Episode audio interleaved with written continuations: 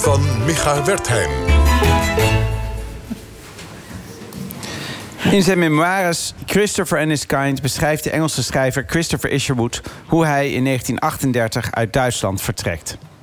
Negen jaar eerder was hij vanuit Engeland naar Berlijn vertrokken omdat de homovriendelijke stad hem de meeste vrijheid gaf zijn leven in te richten zoals hij dat wilde. Met de opkomst van het nazisme werd dat te gevaarlijk. En na enkele omzwervingen komt Isherwood terecht in Amerika. En van een afstand moet hij toezien hoe de stad waar hij zo gelukkig was... samen met de rest van Europa volledig ten gronde wordt gericht door het fascisme. Isherwood beschrijft hoe hij in New York geobsedeerd op zoek gaat naar nieuws over Berlijn. En iedere krant en iedere artikel dat hij te pakken krijgt spelt tot het kleinste detail. Gedreven door de krankzinnige gedachte dat het verzamelen en bijhouden van nieuws de vernietigende opmars van het fascisme zou kunnen afremmen. En ik moet steeds vaker aan dat obsessieve zoeken naar nieuws denken... als ik weer eens tegen beter weten in naar de nieuwssite van de NOS surf... om te lezen over de successen van Erdogan, Netanyahu, Orbán, Trump, Poetin, Johnson... en al die andere wereldleiders die na hun eigen verkiezing... opeens weinig meer op hebben met democratie en een vrije samenleving. Op de nieuwssite van de NOS staat vrijwel nooit iets dat ik niet al wist. En voor een interessante analyse hoef je er ook niet heen te gaan. Toch blijf ik de pagina verversen. Ook deze week. Om te kijken hoe zich in Syrië een nieuwe gruwelijke ramp voltrekt... en hoe in Duitsland een aanslag plaatsvond op een synagoge in Halle. Of eigenlijk hoe een mislukte aanslag plaatsvond op een synagoge in Halle. Want als het wapen niet had gewapen, gehaperd... en de deur niet goed op slot had gezeten... dan waren er veel en veel meer doden gevallen. Zelf kom ik al jaren niet meer in de synagoge. Maar ik herinner mij wel hoe ik daar vroeger als kind kwam. We gingen vrijwel nooit naar school, maar met Yom Kippur, grote verzoendag... dan waren er wel een paar uur. Ik herinner mij hoe mijn broer en ik verstoppertjes speelden tussen de mannen die hun witte met zwart gestreepte gebedskleden met de voorzanger meezongen en bewogen. Ik herinner mij hoe iedereen na een dag vasten net iets anders rook dan normaal.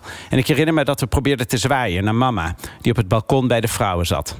Ik herinner mij hoe iemand, een niet-Joodse vriend van de synagoge... als het donker begon te worden, binnen de kaarsen aanstak. En ik herinner me het wachten op de schelle, blaffende klanken van de shofar, de ramshoorn... die aangeeft dat de dienst en daarmee ook Grote Verzoendag bijna is afgelopen. Ik herinner mij hoe iedereen elkaar daarna buiten de beste wensen wenste... en hoe we eenmaal buiten mijn moeder zochten... die ieder jaar weer verklaarde dat dit de aller, allerlaatste keer was... dat ze zich op het balkon met de vrouwen liet opsluiten. Maar ik herinner mij ook dat er altijd mannen van de beveiliging bij de ingang stonden om iedereen te fouilleren. Ik herinner mij metaaldetectors, marechaussee die met een machinegeweer op het dak heen en weer liep. Ik herinner me dat er regelmatig aanslagen waren op synagoges en dat dat er nu eenmaal bij hoorde. Dit jaar was het een neonazi die volgens de nieuwssite van de NOS alleen handelde.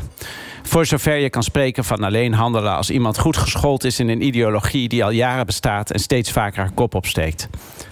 Al klikkend op de site van de NOS zepte ik heen en weer van Koerdistan naar Duitsland. Starend naar het beginscherm viel mijn oog op de link naar 75 jaar bevrijding. Dat is een project van de NOS om het laatste jaar van de Tweede Wereldoorlog van dag tot dag te verslaan. De pagina's zijn opgemaakt alsof de nieuwsite van de NOS ook toen al bestond. De historische nieuwsite van de NOS ziet er heel realistisch uit. Iedere dag kan je als bezoeker zien wat er 75 jaar geleden allemaal in Nederland gebeurde. Zo las ik vanochtend dat het vandaag precies 75 jaar geleden is... dat het kabinet de collaborerende rechters van de Hoge Raad ontsloeg.